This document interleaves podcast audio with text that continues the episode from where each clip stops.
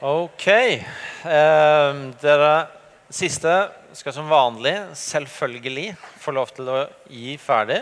Men vi begynner så smått å gå litt videre også.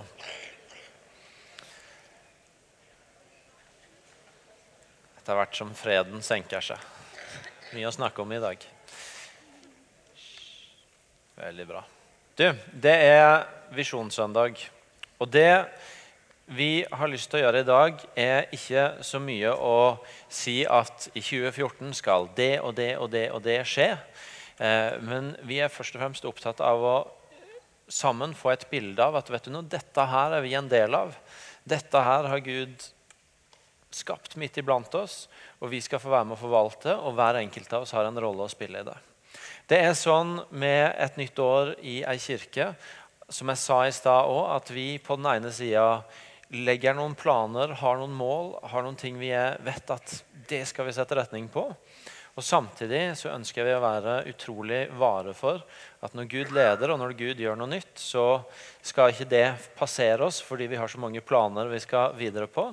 Men da skal vi ha evnen og viljen til å stoppe opp og heller omfavne det han gjør midt iblant. Og Det er den dobbeltheten der vi lever i når vi snakker om hva skjer for året som kommer. Uh, og Jeg gleder meg til å se hva det blir. I dag så håper jeg at du skal få et bilde av hva du er en del av når du er en del av denne menigheten. Og at du skal forstå at uansett hvordan du måtte føle at du er midt i alt som skjer, eller om du føler deg litt ute i en eller annen eh, sone litt lengre ut, så er du faktisk med på å bygge noe stort uh, når du er med på å bygge det vi holder på med her. Og jeg og Martin skal gjøre litt hver. Jeg skal tegne og fortelle litt om det som skjer i denne kirka. Og så skal Martin ut fra det eh, forkynne litt eh, fra Skriften for oss etterpå. Eh, visjonen vår Nå skal vi se. Testa i stad at dette virka. Ja, det gjør det fortsatt. Visjonen vår håper jeg dere kan. Nå fikk dere et lite glimt av den. Snu deg til sidemannen og test om du kan den utenat.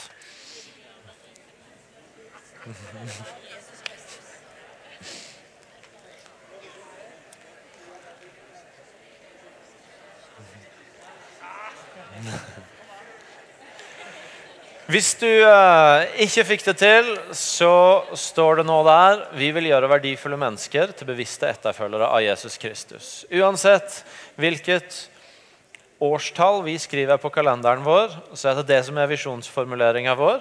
Det er det vi er opptatt av. At verdifulle mennesker, skapt og elska av Gud, skal få møte Jesus og få hjelp til å leve et liv med Han som gjør at en virkelig får gå på den veien Han har skapt oss til å gå på. Og vi tror at i det så er det liv og overflod eh, som, eh, som er livet Han har for oss. Så det er visjonen. Og så er det et par ord som svirrer i lufta eh, som kan være greit å si noe om. Vi er en menighet, vi er en kirke. En menighet i Stavanger med baseadresse her på Kjensvoll. Eh, og med Stavanger-regionen som rekkevidden vår i utgangspunktet. Mennesker fra Stavanger og regionen rundt som til daglig er en del av denne kirka. Og så er det et ord som stadig vekk dukker opp fra denne talerstolen og på ting vi skriver og andre ting, og det er ordet bevegelse, som vi har begynt å bruke mer og mer de siste åra som på den ene sida sier noe om at eh, måten vi tenker menighet på At vi ikke forstår menighet bare som et bygg hvor det skjer en del greier i som vi kan være med på, og det er menigheten. Men at vi tenker at menigheten er mennesker som lever et liv som når vi ikke samles her, så spres det rundt om der hvor vi er. Og Sånn sett så er menigheten en bevegelse av mennesker som hele veien beveger seg ut andre steder og gir videre noe av det vi sammen har opplevd og erfart og fått av Jesus i fellesskapet vårt. Så Når vi snakker om bevegelse, så handler det om hva er kirke? Hvordan forstår vi oss sjøl som kirke? Jo, vi tror vi er en bevegelse av mennesker mot omgivelsene våre. Men så snakker vi også om bevegelse fordi at eh, gjennom tida så har visjonen vår og rekkevidden av det vi gjør, vokst fra å bare handle om en lokal menighet i Stavanger-regionen til at det skjer ting som vi gjør, og som har rekkevidde utover det. Som har rekkevidde nasjonalt rundt om i Norge, og som har rekkevidde internasjonalt til andre steder i verden. Det er mer et resultat av noe som har skjedd, enn av noe vi har bestemt oss for å gjøre. Det er mer sånn at noe har vokst fram mellom oss, enn at vi på et eller annet tidspunkt satt oss ned og vedtok at i løpet av de neste fem åra skal vi drive med nasjonal og internasjonal virksomhet. Men i løpet av den historien, den nyere historien vår fra eh, slutten av 70-tallet og fram til i dag, så har gradvis fra et bedehus nede i byen til den menigheten vi er i dag, også det vokst fram en del ting som strekker seg utover Stavanger-regionen. Og Det er òg noe av bakteppet når vi snakker om at i denne menigheten så, vi, så har vi senteret for en bevegelse. Nemlig at vi også driver med ting som strekker seg lengre, som strekker seg nasjonalt og internasjonalt. første jeg sier nå, handler bare litt om forståelse av hvem vi er, hvordan vi tenker. Og så skal dere få en del sånn facts om hva som skjer ut fra dette huset om noen ganske få minutter. Vi snakker en del om senter. Der hadde ei setning datt ut, gitt. Men det skal jeg klare å si muntlig, da, så får dere huske på det. Men det er en viktig setning som har mista, så dere må høre godt etter når jeg kommer så langt kommer til slutt. Eh, vi snakker en del om det som skjer på dette huset, som at her er senteret vårt. Her er senteret for det som skjer i denne menigheten og i denne bevegelsen. Og Jeg bruker ofte å snakke om tre ting som jeg er opptatt av at skal kjennetegne det som skjer på dette senteret, og som vi strekker oss mot. Noen ganger får vi det til, noen ganger kan vi bli bedre, men det er det vi strekker oss mot. Det er det vi har lyst til at skal kjennetegne livet på senteret. Det ene er at vi skal være gode på å ta hverandre imot her, og på å ta nye mennesker imot her. At en blir ønska velkommen inn i en familie. Hvis Guds godhet er noe av det som skal kjennetegne kirka, at når mennesker kommer hit, så får en en smak av Guds godhet, og en blir ønska velkommen inn ikke bare i en organisasjon, men i en familie. I løpet av det siste året så er noe av det vi har fått høre en god del, det har faktisk vært historier om folk som har sagt at jeg kom hit, jeg visste ikke helt hva det var, jeg trodde ikke, men å komme inn hit, det var som å komme hjem. Og Det er et nydelig vitnesbyrd om noe av det vi ønsker at senteret vårt her skal være. Og så har vi lyst til at dette skal være et sted hvor jeg og du utrustes til å leve det gudsrike-livet som vi er skapt til å leve. At jeg og du skal få hjelp til å ta ut det Gud har lagt ned i oss av muligheter og gaver, sånn at det kan få betydning for verden rundt oss. Hvis du har vært her en stund, så vil du ha hørt Martin si sånne ting som at Gud har ambisjoner for livet ditt. Eller 'vi vil være med på det Gud gjør'. Eller 'hvis du visste at du kunne lykkes, hva ville du gjort da'? Og Sånne utsagn og andre det er med på å reflektere at vi tror faktisk at Gud har enda større tro på deg enn du har sjøl. At Gud vet enda bedre enn vi ofte gjør, hvor mye han har lagt ned i oss av muligheter som kan få bety noe for verden rundt oss. Og Vi har lyst til å være et sted, vi har lyst til å være et senter, ei kirke, hvor jeg og du hjelper hverandre og utruster hverandre til å ta ut det livet. Til å leve det ut, sånn at det kan få bety noe for verden rundt oss. Og så er det det siste setninga som av en eller annen grunn har falt ut. Det står på min skjerm, men det står ikke der. Det er at um, dette skal være et sted hvor Guds nærvær er lett tilgjengelig. Og med det Jeg bruker å si at det, jeg drømmer om at det skal være sånn at det er vanskelig å gå inn dørene her og ikke møte Gud. Eh, fordi at det er et hus, et sted hvor det bes og tilbes, eh, og at det er mulig å merke at her er Gud nær. Fordi det er et bønnens hus og et tilbedelsens hus. Og Det er faktisk også en av de tingene som vi har hørt en god del om i året som ligger bak. At mennesker har kommet og sagt, også mennesker som ikke tror, som har sagt at de kom hit. Og så, og så sier de jeg, jeg, fant fred når jeg kom hit. Det var, det var, en fred som kom med en gang jeg kom inn dørene. Og Senest i jula så fikk jeg Facebook-melding fra en som kommer fra et helt annet sted i landet, og som gleder seg til å komme på åpen himmel igjen, og som skriver at det er et eller annet med å komme inn dørene hos dere. Da møter jeg Guds nærvær med, med en gang. Og Sånn drømmer vi om at det skal være. At det skal være et hus hvor det er noe av det som kjennetegner oss. Så Det har noe med senteret å gjøre. Og så er det bevegelsen, som handler om at det livet som vi har her på senteret, det livet som oppstår mellom oss, som vi deler og som vi får del i, det skal gis videre. Det skal gis ut. Og det er både handler om hva som skjer i den lokale kirka vår her i Stavanger. At vi har senteret, dette huset, hvor det skjer mange ting. Men så er det bevegelsen ut hele veien mot verden rundt oss. Mot mennesker som ikke kommer inn i dette bygget fordi om det står en annonse i avisa om at i morgen skjer det noe gøy i Ymekirka, men som ikke engang leser den annonsen.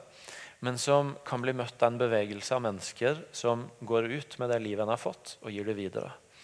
Eh, en bevegelse som handler om at vi gjennom uka spres rundt i mindre fellesskap som vi får høre sammen i, men også at hver enkelt av oss tar med oss det livet Gud har gitt oss, inn i de settingene vi er i.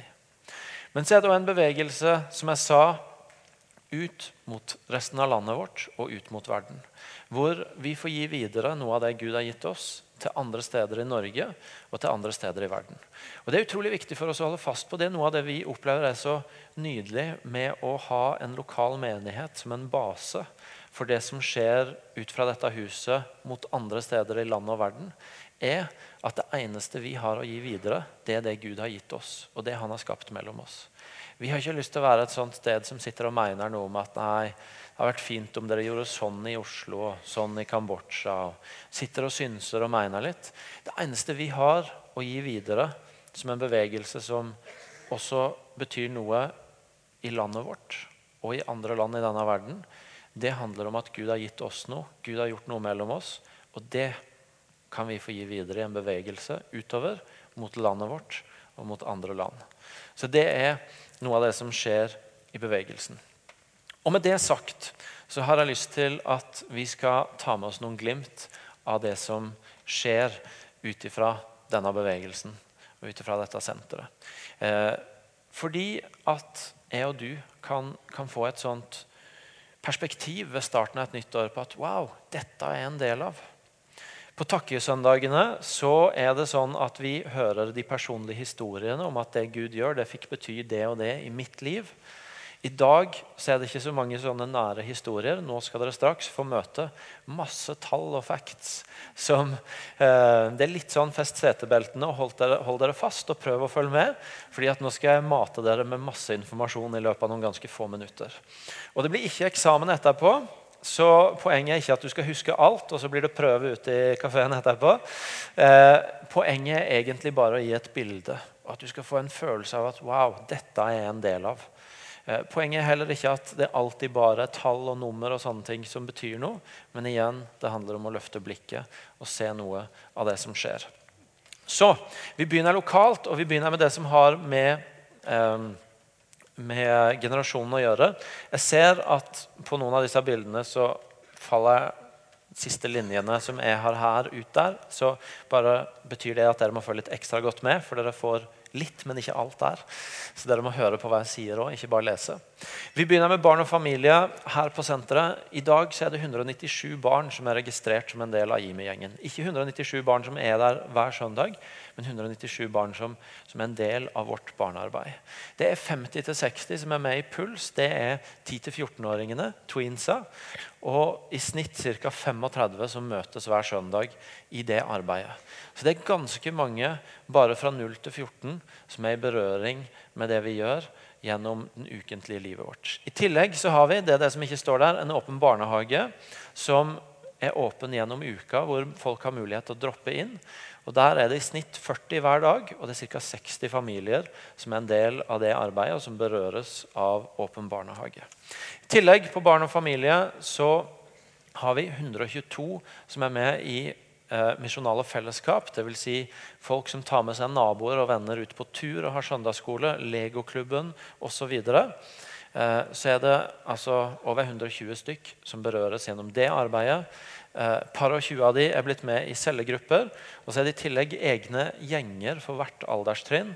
Fem gjenger fra 4. klasse oppover, hvor 75 barn møtes annenhver fredag og gjør vennskap sammen og fellesskap sammen, men også deler tro sammen. Så masse spennende i forhold til det. Siste ting på barn og familie er at hvert år så har vi også et veldig grundig og godt samlivskurs. Eh, siste par åra i samarbeid med Clarion Hotel. I fjor var det 50 stykk med der.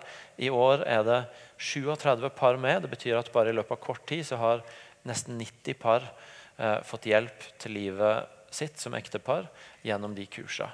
Og så er det ikke jeg som har begynt å drive med tastepriv, eller et eller annet sånt, men det er bare en trykkfeil. Eh, når det står 'nytt ekteskapsforberedende kurs' eh, Det begynner i år. En test på det med å også forberede folk på ekteskapet gjennom et eget kurs for de som skal gifte seg. Så gjør masse der som handler om å hjelpe folk til å lykkes i samlivet og familielivet. Så det er litt på barn og familie, ungdom, join. Er det noen joinere her i dag som kan lage litt lyd? Ja, Fantastisk. Ungdomsarbeidet vårt ble restarta for bare et par-tre år siden. Og er nå drøye 60 ungdommer som er med der. 50 av de er i disippelgjørende fellesskap. og det er det vil jeg bare skal merke dere, det er en høy andel av ungdommene våre som ikke bare er innom innimellom, men som faktisk er et forpliktende fellesskap hvor de får hjelp til å leve livet som disipler. I tillegg så starta i uh, juni Join the Club med et tilbud til ungdommene lørdager her på huset, som er et sånt hvor en møtes på tvers av årstrinna til et lavterskeltilbud uh, i helgene på lørdagskveldene her på huset. Så masse spennende som skjer i Join. I Student så har det også vært en restart, så der handler det ikke så mye om store tall, men om at det er noe veldig spennende som holder på å vokse fram i den generasjonen.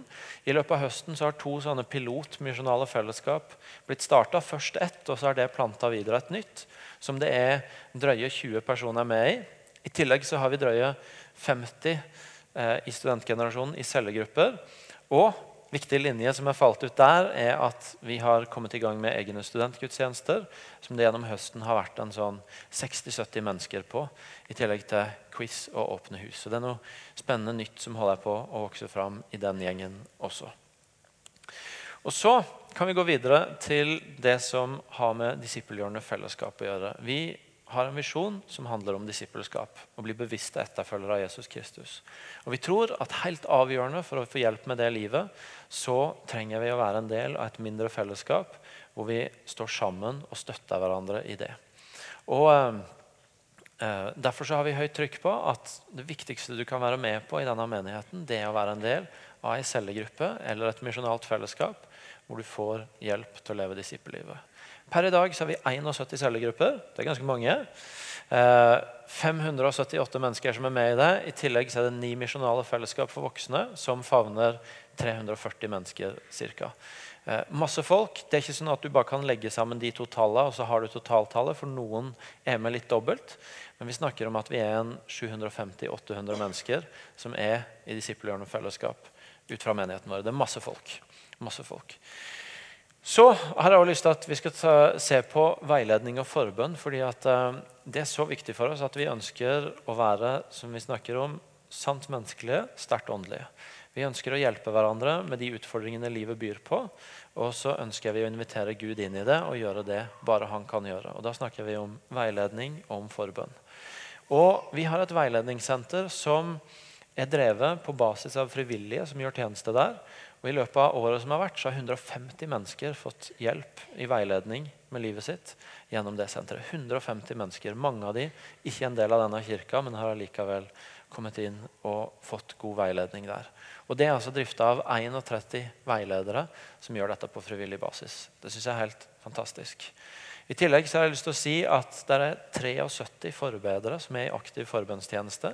Og som er de menneskene som hver søndag og på hver konferanse og mange andre anledninger sørger for at jeg og du kan møte opp der når gudstjenesten går mot slutten, og vite at det er noen som vil be for oss og stå sammen med oss når vi ønsker å invitere Gud inn i utfordringer som møter oss i livet vårt. Fantastisk at 73 mennesker har committa en tjeneste til å be for andre mennesker, lytte til Gud for andre mennesker, velsigne andre mennesker på den måten. Og så, en veldig spennende ting som har vokst fram de siste eh, par åra, er helbredelsesrommet. 19 eh, lørdager, dvs. Si omtrent annenhver lørdag utenom feriene, så har det i løpet av det siste året blitt bedt for 600 mennesker for ulike sykdommer, plager, smerter gjennom helbredelsesrommet. 600 mennesker. Det er masse. Og Hver gang så skjer det helbredelser. Folk blir møtt av Gud. Vi har historier som han som fikk beskjed av legen sin om at du må bare komme deg opp på det helbredelsesrommet i Imi kirka igjen, for et eller annet skjer med kroppen din. Du har historien om Eh, de som reiser helt fra Grimstad for å få, få, det med seg. Og det er mange andre små og store historier om hvordan det bak et ganske massivt tall for hvor mange som har fått forbønn, eh, så har mennesker blitt møtt. Og Det interessante er at veldig mange av de som kommer, ikke er en del av denne kirka. Men de har sett en annonse i Aftenbladet, eller de har hørt om det. Og så kommer de fordi om de ikke kjenner Imi så godt. Og det er 50, det er over 50 medarbeidere som er med på å gjøre det mulig, og som gjør en kjempeinnsats for å bygge det. Og det er jo litt gøy at den linja som falt ut der, er en skikkelig godbit, som jeg da får lov til å si til dere. Nemlig at i 2014 så begynner vi med helbredelsesrom hver lørdag. Så da blir det enda flere mennesker som blir bedt for. Det må dere gjerne klappe for, for det syns jeg er veldig stilig.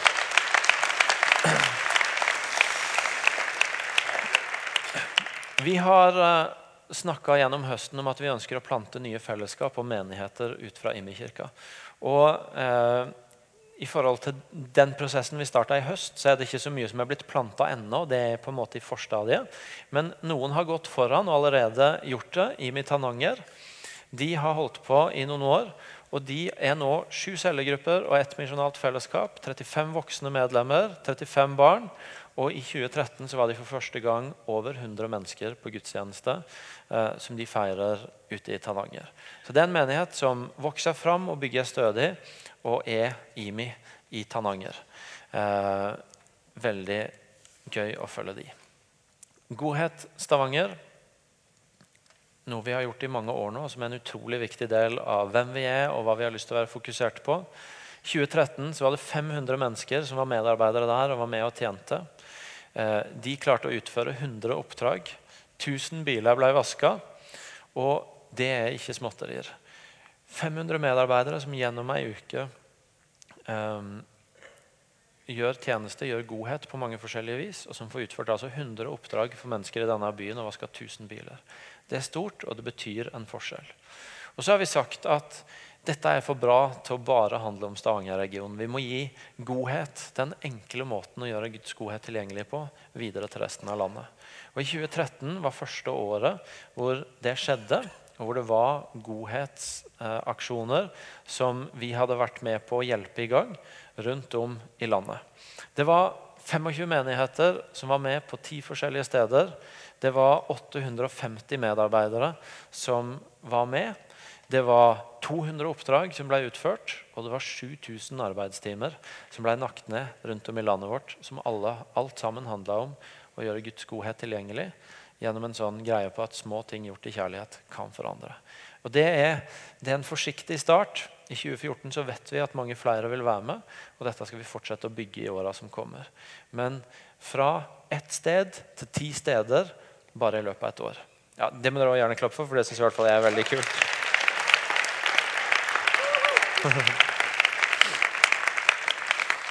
Agenda 1 er noe annet som har vokst fram, og som handler om at det er andre menigheter rundt om i landet som ikke ønsker å stå alene og prøve å finne ut hvordan de kan nå flere mennesker med evangeliet, men de ønsker å stå sammen med noen for å få hjelp til å være i den prosessen. Og Agenda 1 handler om at vi samler menigheter rundt om i landet og i Asia nå eh, i lærefellesskap, hvor de får være en del av en prosess som utfordrer deg på å bli bedre på å gjøre disipler og på å nå nye mennesker, på å være misjonale. Per i dag er det 75 menigheter og foreninger i Norge og Asia som er med i det.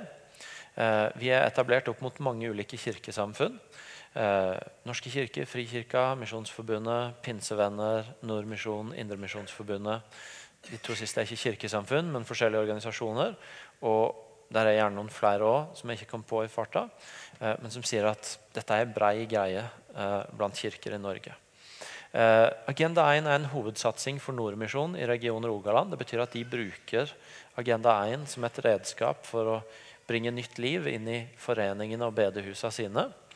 Og I Nord-Norge så har Agenda 1 blitt reprodusert. sånn at Nordkirka Tromsø, som har vært med i Agenda 1 helt siden starten, de har nå starta et nytt fellesskap, et nettverk, i Nord-Norge, hvor de utruster andre menigheter i nord til å nå lenger ut. Veldig stilig. Av de 75 så er 30 av menighetene som er med i Agenda 1 i Thailand og Kambodsja.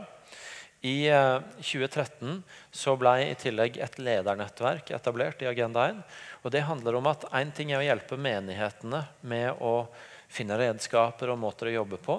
Og så vet vi at en nøkkel for at menigheter skal lykkes, er lederskap som er sterkt og står sterkt, og som står over tid. Og mange ledere rundt om i Norge i forsamlinger og menigheter er fryktelig alene og en del må gi seg fordi at de ikke orker mer, fordi det ble for ensomt. Og så har vi valgt å opprette et sånt ledernettverk som handler om ikke så mye hva gjør du med det og det i menigheten, men hvordan går det med du som leder? Hvordan er ditt liv med Gud? Hvordan har du det med de utfordringene du står i? Og hjelpe og støtte hverandre i det. Eh, og Det tror vi også skal få ha betydning. I tillegg, noe som har falt ut der, er at i januar 2014 månedsskiftet januar-februar så starta vi et nytt lærerfellesskap for store norske menigheter. Så det er veldig spennende. Å gå litt videre handler ikke bare om menigheter eh, rundt om i landet, men Impuls er jo en ungdomsbevegelse som betyr masse for ungdommer over hele landet. I eh, 2013 så var 2100 på konferanse i Stavanger, 700 i Trondheim. Eh, I tillegg så er det arbeid i Thailand og Tsjekkia etablert. Og i 2014 så skal Impuls for første gang ha lederdager i Kambodsja. Sånn at Impuls gjør også spennende ting utafor landet. Og veldig viktig, ønsker ikke bare å handle om events av og til. Men ønsker, Impuls ønsker å være med og bidra til at det bygges gode ungdomsarbeid rundt om i landet. og Derfor har også Impuls starta lærerfellesskap. Og nå, per nå er det to lærerfellesskap med ca. ti ungdomsarbeid som er med i en prosess for å lykkes bedre med å nå unge mennesker i dette landet med evangeliet. Mange som har vært på impuls, søker Akta, bibelskolen vår, som er her på huset, og som er en utrolig velsignelse for oss å ha her. fordi at når de er her, så er de med å bygge menigheten, men som også eh, er med på å utruste folk, sånn at de når de reiser videre, kan få bety noe, kan få ta med seg et liv andre steder i landet. I år er det 31 studenter på Akta 1. I tillegg er det 13 studenter på Akta lovsangskole. Akta lovsangskole er bare på sitt andre år og har en ganske smalere gruppe å rekruttere fra enn en hel bibelskole. Og det At de er 13 stykker, det syns jeg er utrolig stilig. 13 eh, stykker som blir, får hjelp til å bli gode lovsangsledere som kan bety noe rundt omkring. I tillegg er det ti studenter på Akta 2. Det er ikke første året det er Akta 2, men det er første gang at Akta 2 eh, et akademisk studie. Studentene på Akta 2 hadde sin første eksamen på Misjonshøgskolen rett før jul. Eh, og eh, jeg har ikke hørt hvordan det gikk, men jeg regner med de ble strålende resultater.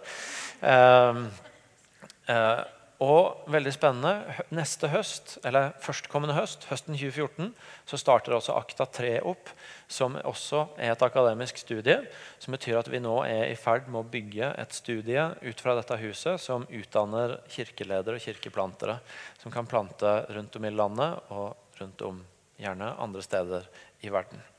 Ehm, det er studenter fra hele Norge på Akta utenom de tre nordligste fylkene. så det er ikke bare en sånn vestlandsskole, men det handler om hele landet. Mens vi er i skoleverden, så nevner vi at KF-skolen var noe av det veldig spennende som kom i 2013, for det starta nytt da. Ti elever i 1. til 3. klasse i år. Det er godkjent for 1. til 10. klasse. Og målet for høsten 2014 er 40 elever og at en får starta opp et ungdomstrinn. Det kan høres lite ut med ti elever første året, men tilbakemeldingene fra de som går der, er veldig spesielle, for de er så gode.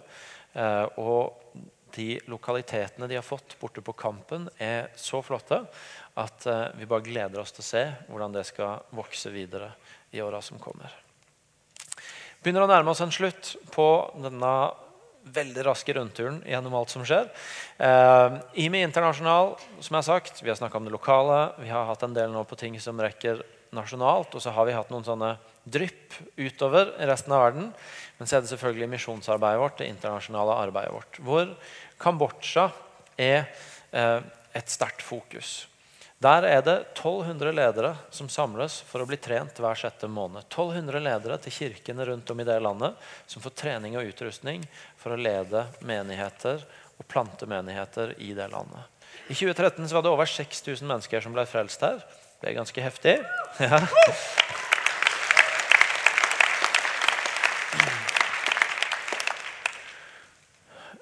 Tillegg så samler Agenda 1 én menighet fra hver av de 24 provinsene i landet. så den er i gang med å utruste menigheter rundt om i landet. I 2014 så skal 100 evangelister sendes ut. 100 evangelister, Det er ganske mye, det. Som skal ha som sitt fokus å nå mennesker med evangeliet i det landet. Og I september 2014 så går vi fra 12 til 16 provinser hvor vi trener ledere for kirka i det landet. Så Kambodsja er utrolig spennende. Eh, Mekong-området, regionen, ligger åpent, og det er store muligheter for ledertrening i Thailand og Myanmar. Et par ting som har falt ut der, men som er spennende, som vi er med på, er at over 500 barn får skolegang i Laos i samarbeid vi har med Marit og Satat, som er misjonærer der. Både basaren i desember og kollekten på julaften eh, til sammen samla inn nok penger til å gi 300 barn skolegang i et helt år. Eh, så det er veldig stilig. Og så samarbeider vi med Ole Martin og Dari i Kambodsja om et arbeid som hvert år tar et titalls jenter ut av prostitusjon i det landet. Eh, Impuls som jeg nevnte i sted, de ga ut en EP siste år i samarbeid med andre lovsangsledere i landet, hvor overskuddet uavkorta gikk til å så inn i det arbeidet for å hjelpe jenter ut av prostitusjon. Og så har også det internasjonale arbeidet vårt noe med å være en norsk menighet for alle nasjoner. Ehm, vi er en by hvor det er opp mot 200 nasjonaliteter representert. Og vi har lyst til at vi ikke bare skal være opptatt av folk som har røttene sine fra andre steder ute i verden, men også her hjemme. Derfor har vi en språkskole som hvert semester gir 100 mennesker eh, trening i norsk.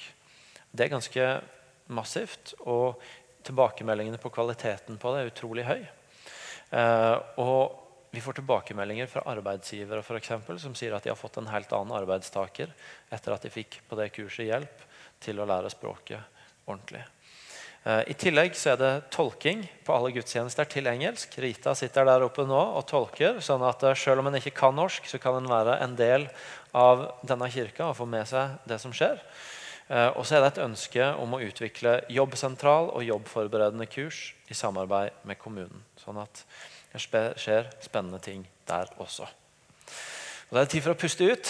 Da er rundturen over. Da har dere fått masse info. Dette er det vi er med på, folkens. Dette er det vi har privilegiet av å være med å bygge. Er ikke det ganske spennende? Ja.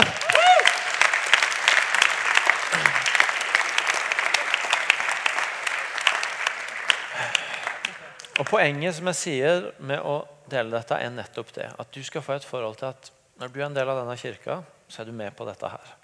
Enten du er en av de som får med seg alt som blir sagt fra denne scenen, leser alt som står på enhver nyhetsmail og er på alle tilstelninger, eller du er en som på en måte prøver å Hvis du klarer å komme deg på gudstjenesten i rett tid, så er du brukbart fornøyd.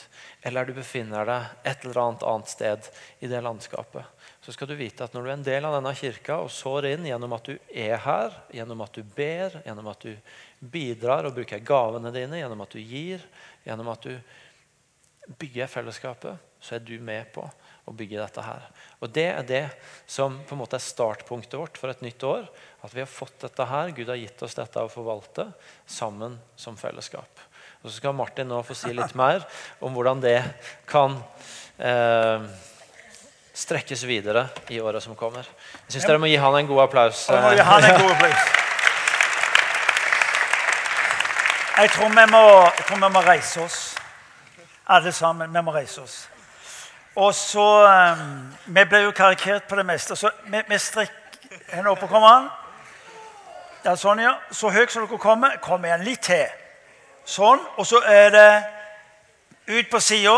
Og så legger du hånda forsiktig på den som er på sida av deg. Kom an. Eh, det skal ikke være utilbørlig hånda på sida, og så tar du på øret som du har på Kom på høyre side. OK? Og så sier du Dette må ikke bli for uh, utsvevende. Og så sier du til, Når du berører øret på den som står på siden står, står på sida av deg, og så sier du 'Så vakre ører du har'. Ja, det er bra. Og så opp igjen. Sånn. Og så ned. Og så rister vi litt. Åh, oh, det er bra. Vær så god, sitt. Det er bra. Nå kan jeg fortelle at det Elling har gjort, det var bare oppvarmingen. Halloen. Men eh, nå får vi se hvor lenge jeg holder på med. Hvor lenge vi holder på med. Hvor lenge jeg holder på. Eh, 2014 har begynt, og de fleste av oss har et eller annet sånn et ubevisst regnestykke. et spørsmål. Hvem var det som ikke eh, endte opp med en eller annen form for type nyttårsforsett? Hvem var det som ikke gjorde det? Ja, kontra. Hvem var det som ubevisst der inne tenkte åh, jeg skulle ønske at jeg kunne hvis og ders osv. Hvor mange av det? Du, Alle dere andre dere sitter her og lyver. Altså, er du klar over det? Eh, hva betyr det å gå fra 2013 til 2014? Ingenting. Bortsett fra at du må skifte tall. Men ubevisst så minner det oss noe om at noe er på gang. Tida går, og vi er en del av den. Det viktigste du skal få tak i når vi snakker om en visjonssøndag, det er at Gud har kommet nær. Når Guds rike møter denne verdens rike, når Jesus møter menneskene, så skjer noe, og alt er mulig. Det er faktisk det viktigste du kan få med deg. I det øyeblikket du beveger deg inn i et nytt år, så er ikke det et år med alt det som er usikkert og ukjent. Du møter en som sier 'Jeg går foran deg'. Jeg vil la mitt nærvær gå foran deg. Uansett hva som er livet vårt, uansett hva som er historien vår. Han har sagt 'Jeg er der'. For at hver enda dag i dette året skal være et år hvor du skal vite 'jeg er der'. Du skal vite at jeg holder min hånd over deg. Du skal vite at det du drømmer om, skal du få lov til å være hos meg med. Og så skal du og meg sammen gå den veien som trenges for å se det maksimale av ditt liv, hva det kan bli. Og Det gjør 2014 til noe spesielt. Så når vi ønsker hverandre godt nytt år, så vil jeg du skal få tak i at eh, Er det et profetisk ord? Eller er det bare et lykkeønske for et velmenende menneske? Jeg tror faktisk at hver gang du sier 'godt nytt år', så det er et profetisk budskap. Fordi Gud har sagt at alle dine tider er i hans hender. Folkens, det er ikke småtterier. Å skulle få lov til å starte og se framover eh, og vite at Gud den allmektige har sagt 'jeg er nær'. Don't worry. Be happy. Jeg er der. Og så vil jeg at du skal få tak i at når du og meg ser framover mot det som representerer 2014, så vil jeg at du skal ta med deg en måte å tenke på og handle på. Fordi at du kan enten eh, Du spør folk hvordan går det, så sier folk jo, etter omstendighetene er bra. Ja, Du skulle vel egentlig vært foran omstendighetene. Er du med? Den som er etter omstendighetene, driver jo hele veien bare på å, å, å plukke opp det som ble utfallet av et eller annet som noen gjorde, eller som bare traff deg. 2014 eh, tror jeg kommer til å bli et år hvor det profetiske skal få lov til å synes ved våre liv som enkeltmennesker og som menighet. Eh, amen. Fordi at i det profetiske For deg som er litt uvant med sånn bibelsk og kristelig sjargong I det profetiske så ligger det to dimensjoner. Det ene er at du får lov til å tale inn i et menneskes liv hva som kan skje.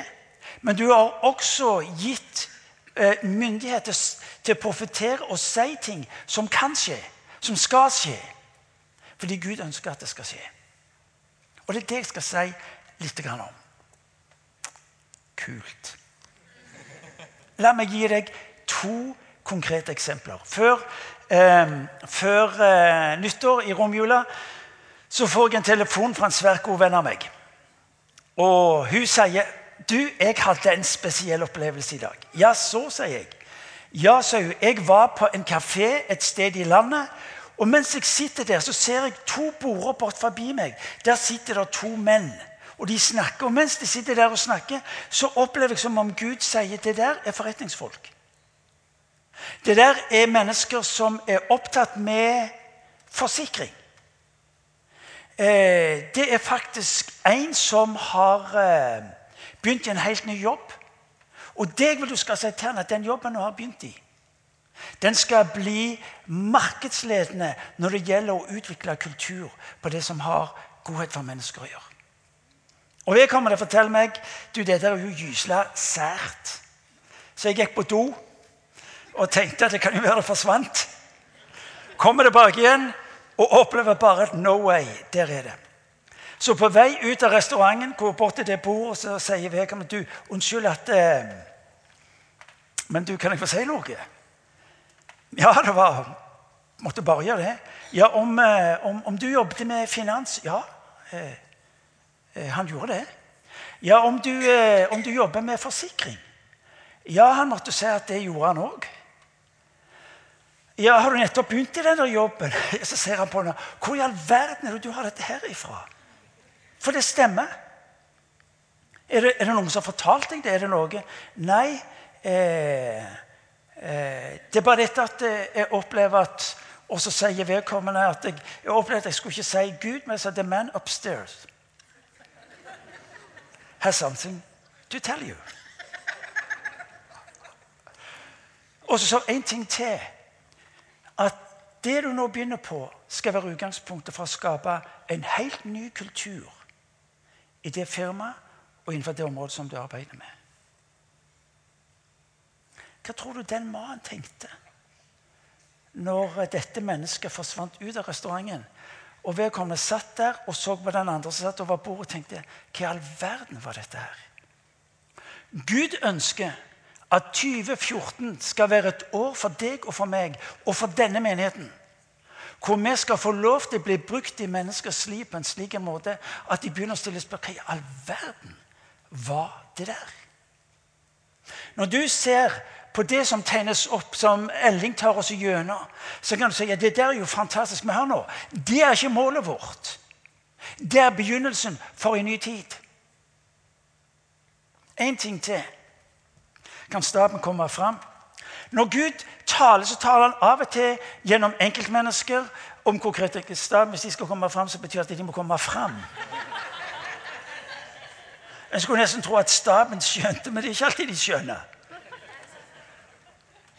Av og til så taler Gud til oss på en måte som har konsekvenser for enkeltmennesker. Av og til så taler Gud også til oss som menighet. Og dette budskapet det fikk jeg eh, først. Eh, det ene budskapet mellom jul og nyttår, og det andre kom nå. Og når jeg fikk det, så tenkte jeg vet du hva? dette vil jeg gjøre noe med. Fordi at du både skal få tak i hvordan Gud taler Og la meg si som sant det Jeg skulle ønske at Gud av og til kunne vært langt mer konkret. Langt mer tydelig. Jeg skulle ønske at han kunne ha talt til oss på en slik en måte at eh, Jeg skjønte hva han mente. Er dere med meg? Det, av og til så lurer jeg på om det er tungetale uten tydning. Eh, men det er mitt, mer mitt problem enn hans. Det er noe staben skal gjøre. Eh, hvem, hvem av dere har fått uh, strikk? De to siste har ikke fått, men du skal få nå. Og det bildet som dette budskapet gir oss å se Dette er altså fra en i menigheten som ber til Gud, og Gud taler til ham om ting som gjelder i dette tilfellet menigheten. Og der Han ser han ser staben på Imi står på ei rekke. Alle har en håndfull med strikker i forskjellige farger. Strikkene er det som hver enkelt bringer med seg av gaver, emner og talenter.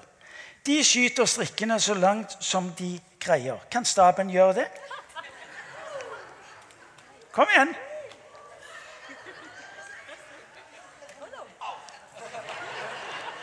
Vi gir staben en skikkelig applaus for en fantastisk jobb. De skyter strikkene så langt de bare greier, og strikkene ligger igjen på gulvet spredt utover et større område. Dette er så langt som vi rekker ut i dag som menighet. Jeg tror Gud vil forberede oss på noe lenger ut. Jeg ser videre at alle strikkene blir samlet til én ball. Det har jeg da allerede gjort. Når ballen kastes, når vi lenger ut og i en retning. Ballen vil dabbe videre. For hver plass ballen dabber, vil den ha stor betydning. Så du strikkene som de hadde? Så du hvor langt det kom? Og så sier Gud, 'Jeg ser'. Og Når du går i Bibelen, så vil du oppdage at Gud igjen og igjen bruker konkrete eksempler for å formidle et budskap. Du så hvor langt disse strikkene kom. Så sier eh, han som fikk budskapet, 'Jeg så strikkene som ball'. Og når ballen ble kasta, så så jeg at den rakk mye lenger.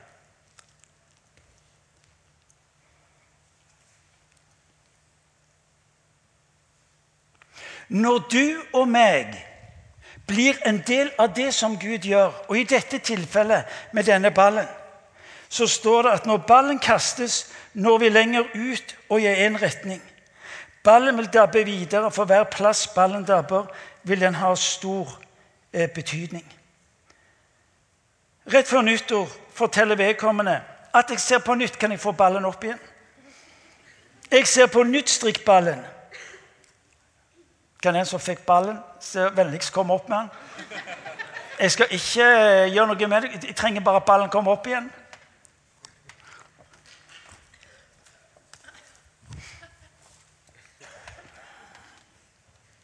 Jeg ser på nytt strikkballen. Denne gangen dabber den i en liten vanndam. Det spruter dråper til alle sider utover et stort område. Ballen dabber videre. Neste plass er det en litt større vanndam. Slik fortsetter det. Nå har vannet blitt ganske dypt, og ballen vokser hele tiden. Fargene på strikkene blir skarpere og finere. Nå spruter det ikke bare, men det blir en bølge ut fra der ballen traff, som i ringer i vannet. Jeg spør Gud om hva som skal til for å være med på dette. Da ser jeg ord passere foran meg. Søk meg, søk min hellighet. Tilbe meg, opphøy meg, Lovsyng til meg. Jeg så at desto mer han blir opphøyet, desto oftere dabber ballen og vokser. Folkens, dette budskapet tar jeg med meg. For det er en påminnelse og det er en illustrasjon av hvordan Gud ønsker å bruke oss som menighet. Dvs. Si deg og meg som menigheten. La oss be kort, og så skal jeg fortsette. Jeg er ikke ferdig. Men la oss be kort. Herre, jeg takker deg fordi at du taler til oss på forskjellige måter om hva du ønsker å gjøre, og hva du ønsker at vi skal få lov til å bety i denne verden. For vi takker deg for det som ligger bak, og vi kjenner på en utrolig glede over å være en del av det du gjør. Men far, vi kjenner at vi ikke er tilfreds. Vi er glade, men ikke tilfredse. Fordi vi ser et folk hvor flesteparten ikke kjenner deg. Hjelp oss, Gud, til å være en del av det du gjør inn i vår tid. Amen.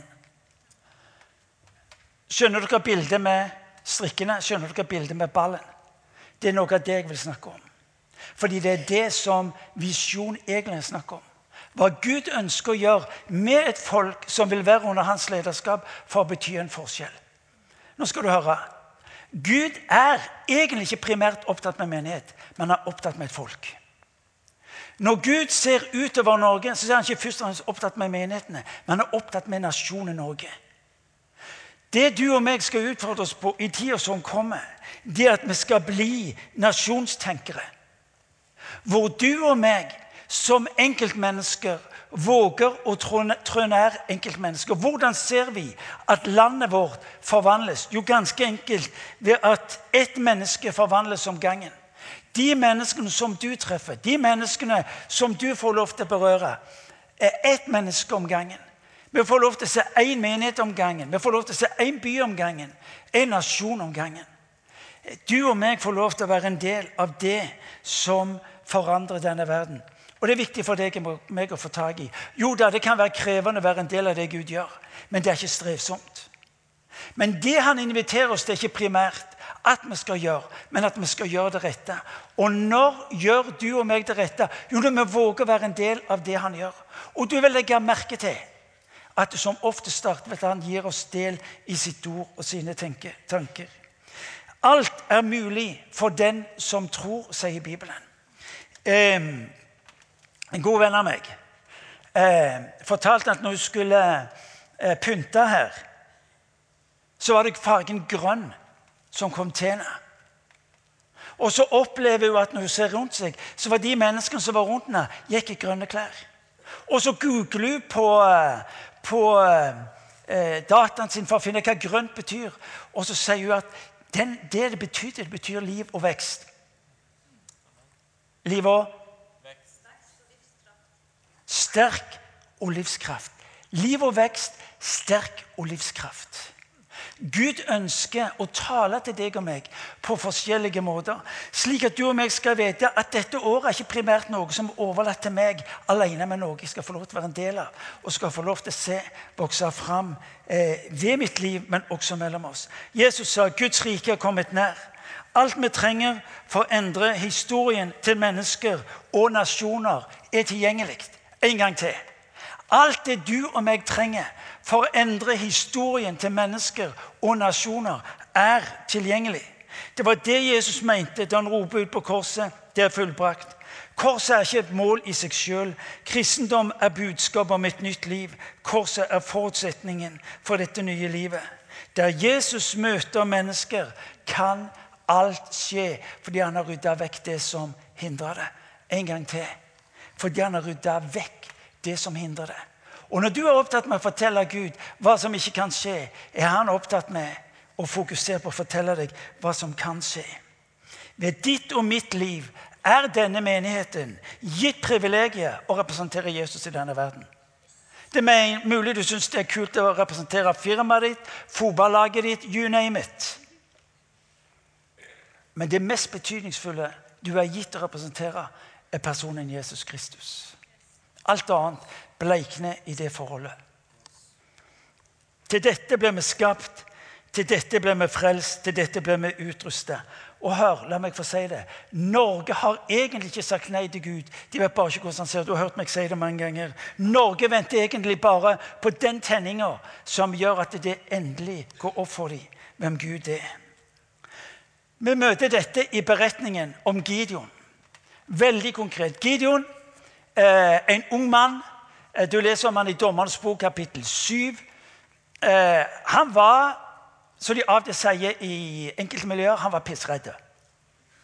Så redd at han ikke turte vedkjenne hvem han var, hva han holdt på med. Slik at eh, når han da skulle treske kornet sitt, så gjorde han det vinpresset fordi han var redd for at han ville bli straffa for å gjøre det. Det interessante er at mens han er der, redd, flau over å være den han var, eh, bekymra for hva som lå foran dem, så opplever man at Gud kommer til ham med sitt ord. Og det er dette du nå må få tak i. Gud sier til ham hvem Gud ser han som han er. Du djerve kriger. Det er Guds ord til ham. Og så sier Gideon, hold an, hvem er det du snakker til? Jeg snakker til deg, sier Gud. Ja, du har bomma. Jeg er det motsatte av å være en djerv og modig kriger. Du kan lese om dette i Dommernes bok, kapittel 7. Men så skjer det noe med Gideon fordi at han hører mer av ordet. Og han våger å gi plass for ordet på en slik måte at han begynner å tro det. Nøkkelen for deg og meg med tanke på 2014 og tida som kommer, det er ikke primært å høre hva det er jeg forteller meg sjøl, men hva er det Gud sier om mitt liv. Og når Gud ser på ditt liv, så ser han du djerve kriger. Når Gud ser på ditt liv, så sier han hør nå, ditt liv skal ha betydning. Han ser, når han ser på ditt liv, vet du hva? Jeg vet ikke hva slags regnestykke du holder på med, men det vil jeg du skal vite. Jeg har fremtid for ditt liv. Og så skjer det noe med Gideon, der han er bortskjemt, han er redd. Og stadig vekk så kommer han tilbake med alt han syntes skulle være annerledes i livet sitt. Gud gir ikke deg opp fordi om du har en del motforestillinger. Han har tålmodighet, og han har tid. Så skjer det litt senere i denne berett, i kapittel 7 så skjer det litt senere at Gud ber ham om å gå til krig. Han ber Gideon om å kvitte seg med de som plagte dem, nemlig eh, et folk som heter midjanittene. Og Gideon sier OK og er litt sånn eh, redd for hva det der skal bli. Men han ser på hvem han har som skal hjelpe seg, og tenker det må jo kunne gå. Men så sier Gud til ham du har altfor mange. Du må redusere flokken din. Og Så skjer det noe, og til slutt er han nede i 300 mens midjanittene da 120 000. 120 000. Ikke 120, men 120 000. 300. Og så sier Gud til Gidon Og dette må du få tak i. Jeg vil gi deg midjanittene i din hånd. Jeg vil gi deg midjanittene i din hånd. Det er nesten som om Gud sier, for det du nå har foran deg som du er bekymra for, og som, som du syns er vanskelig, så er det som Gud sier, hør nå, jeg vil gi deg den situasjonen i dine hender fordi at jeg er der. 2014 som du er bekymra for, jeg gir deg dine hender. Men du skal ikke være bekymra fordi at jeg er der. Og så er det sånn fornøyelig å lese beretningen. Du leser i kapittel 7. Men sier Gud, hvis du er redd, så kan du ta med deg tjeneren din. Og så står det i neste vers at uh, Gideon han vassa ned til leiren, ukanten av leiren til fienden med sin tjener. Det er ikke farlig om du er redd. Og tro betyr ikke nødvendigvis at du har alt på stell, at du er verdens modigste menneske. Nei. Tro er å handle på det Gud minner deg om. Og så skjer det fantastiske. Det er at når Gideon går ned og stiller seg opp ut forbi leiren, så hører han to av fienden begynne å snakke. Og dette må du få tak i.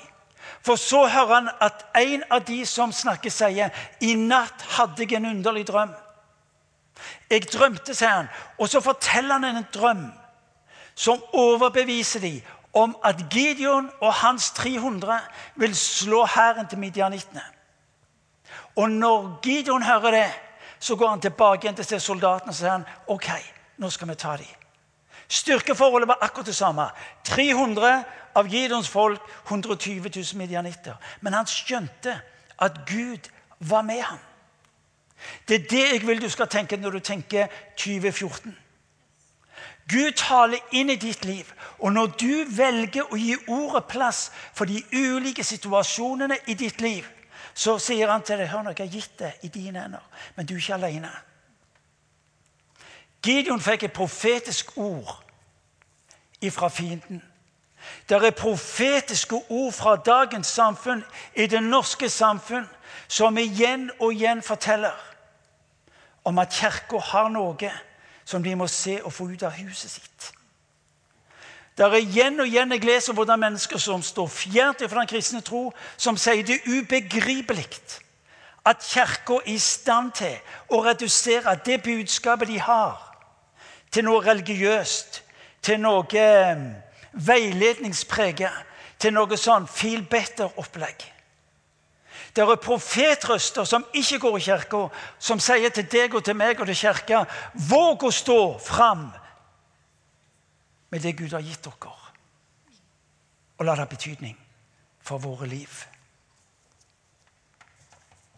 Jeg skal slutte, men du får med deg det siste. Gideon berger sitt folk. Han tar tak i ordet og våger å leve det ut blant de mennesker som han møter. Guds løfte for 2014 eh, jeg har vært noen dager i bønn og i faster. Og det som kommer til meg gjennom disse dagene, det er at Gud lengter etter å få gi av sitt ord om at det han har for oss, er et liv i liv og i overflod. I Salme 37, vers 3 så står det, og du får det på engelsk Dwell in the land and feed on his faithfulness. Det han inviterer deg til for 2014. For livet ditt som enkeltmenneske, for den tjenesten du har i menigheten, for det liv du skal få lov til å leve ut. Det er 'dwell in the land'. Hva betyr det? Hvil i det som er av meg. Hvil i den menighet du er en del av. Hvil i det som jeg har for deg. Og Mat deg med min trofasthet. Hvordan kan jeg mate meg med Guds trofasthet? Jo, det er på den ene sida å la ordet få lov til å fylle meg. Og så er det det ordet jeg kjenner ah, Dette ordet fra meg, fra meg i dag. Det er det vitnesbyrdet du hører om hva Gud gjør i menneskers liv. Det er det du opplever når du lovsynger og tilber sammen med menigheten. Gud har, Gud har et ord til deg. Dwell in the land and feed on his faithfulness. Fokuser på hva Gud har gjort, og hva han har for deg. Gud 2014 skal for deg være et år hvor du får lov til å leve i det ordet Gud gir deg, på en slik en måte at de rundt deg blir velsigna. La oss eh, reise oss kort. Vi er ikke ferdige, men la oss reise oss. Og så vil jeg gjerne at vi skal be en kort bønn.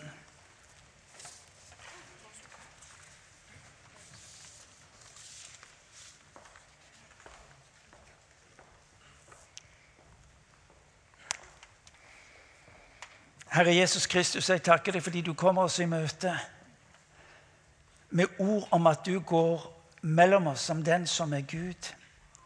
Vi takker deg for fordi at Gud, du er den som kommer til oss eh, og møter oss i våre ulike regnestykker for å demonstrere at du, Gud, er den som vil fullføre det du har lovt oss ved ditt ord. Nå ber jeg for, for den enkelte av oss som er her inne, at du skal legge ned i oss en dyp hunger, Gud, etter å ta til oss av ditt ord. At du skal gi oss mot, Herre, til å være et folk som går med deg inn i det du gir oss å møte enkeltmennesker med. Far, jeg priser ditt navn for at jeg får lov til å være en del av det du gjør. Gud, jeg ber for oss som er i dette rommet, at du, Herre, skal gi oss mot på å lese ditt ord. Ikke bare som et interessant religiøst stykke, men det ord du har lovt for den enkelte av oss, som du vil virkeliggjøre når vi våger å bli værende i ditt ord. Far, jeg ber du skal legge ned i oss denne bønnen, Gud, om å få lov til å se ditt liv virkeliggjort ved våre liv. Herre, vi ønsker å mate oss med ditt ord om din trofasthet, slik at ditt navn, Gud, slik at ditt navn, Herre, blir dyrebart for oss alle. Herre, vi ber om det i ditt navn. Amen.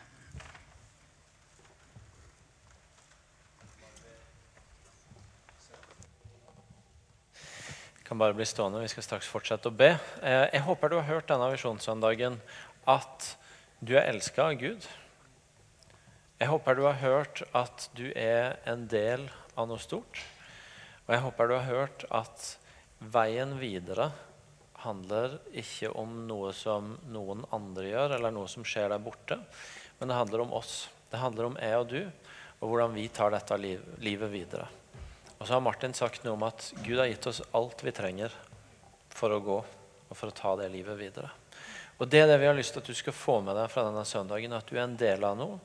Eh, og sammen skal vi gå videre med det. Og Gud har gitt oss alt vi trenger på den veien. Og så har du på vei inn i dag fått en, en liten sak som skal bare være en påminner underveis. En, en, grønn trekant. Apropos grønt. Du kan plukke opp den nå, så skal jeg bare si to ord om den før vi fortsetter å be. Det er en enkel sak som du kan henge på kjøleskapsdøra di, ha på nattbordet ditt, i Bibelen din. Eh, hvor som helst. Gruppene kommer til å bruke den framover i samlingene sine. Forsida så har du eh, visjonen. Minner deg om hva dette handler om. Vi vil gjøre verdifulle mennesker til bevisste etterfølgere av Jesus Kristus. Og så Midt inni så har du noe som skal minne deg om å leve i denne rytma mellom at utgangspunktet er at vi er elska av Gud. Bli som, nei, som far har elsket meg, har jeg elsket dere. Bli i min kjærlighet. Og samtidig at vi er sendt av Han for å bety en forskjell i denne verden. Som far har sendt meg, sender jeg dere. Og så har du på baksida en trekant som inneholder tre begrep vi bruker veldig mye her på huset for å uttrykke hvordan vi opplever at Gud har vist oss at dette livet med Han som disipler av Jesus ser ut. Guds nærvær, Guds familie og Guds godhet. Og Så står det noen enkle spørsmål, tre enkle spørsmål til hver del, som, viktig å huske, ikke er eksamen du skal ta hver morgen. Er en god kristen i dag eller ikke? Men som skal være bare sånne peilemerker som kan hjelpe deg å tenke på er på sporet. Eh, har jeg retninga mot det livet jeg ønsker å leve med Gud? Det livet jeg er kalt å leve? Eh, og så står det da nevnt noen enkle praksiser under spørsmåla som kan gi deg en sånn idé om ok, i retning der kan jeg styre hvis jeg, hvis jeg ønsker å gjøre noe med det. Så dette er et redskap som er meint å brukes i hverdagen din, i gruppene framover. Som du skal ikke legge igjen på stolen din når du går i dag, men ta med deg og legge på et sted som gjør at du kommer til å huske det og bruke det. Da skal vi straks tilbe Gud sammen, men til slutt La oss be sammen. Og nå la oss be for hverandre. Eh, du har hørt om at du er elska. Du har hørt om at du er en del av noe stort, og du har hørt om at mulighetene ligger foran oss til å ta det videre. Det handler om hver enkelt av oss, og vi er en familie som vil backe hverandre i det. Så la oss nå snu oss mot hverandre, tre og tre, og, og be en enkel bønn for hverandre. Ikke en lang bønn, ikke masse greier, men en enkel bønn hvor du velsigner den enkelte i den gruppa til å få gå i Guds velsignelse og med det Gud har gitt i året som ligger foran. Tre og tre.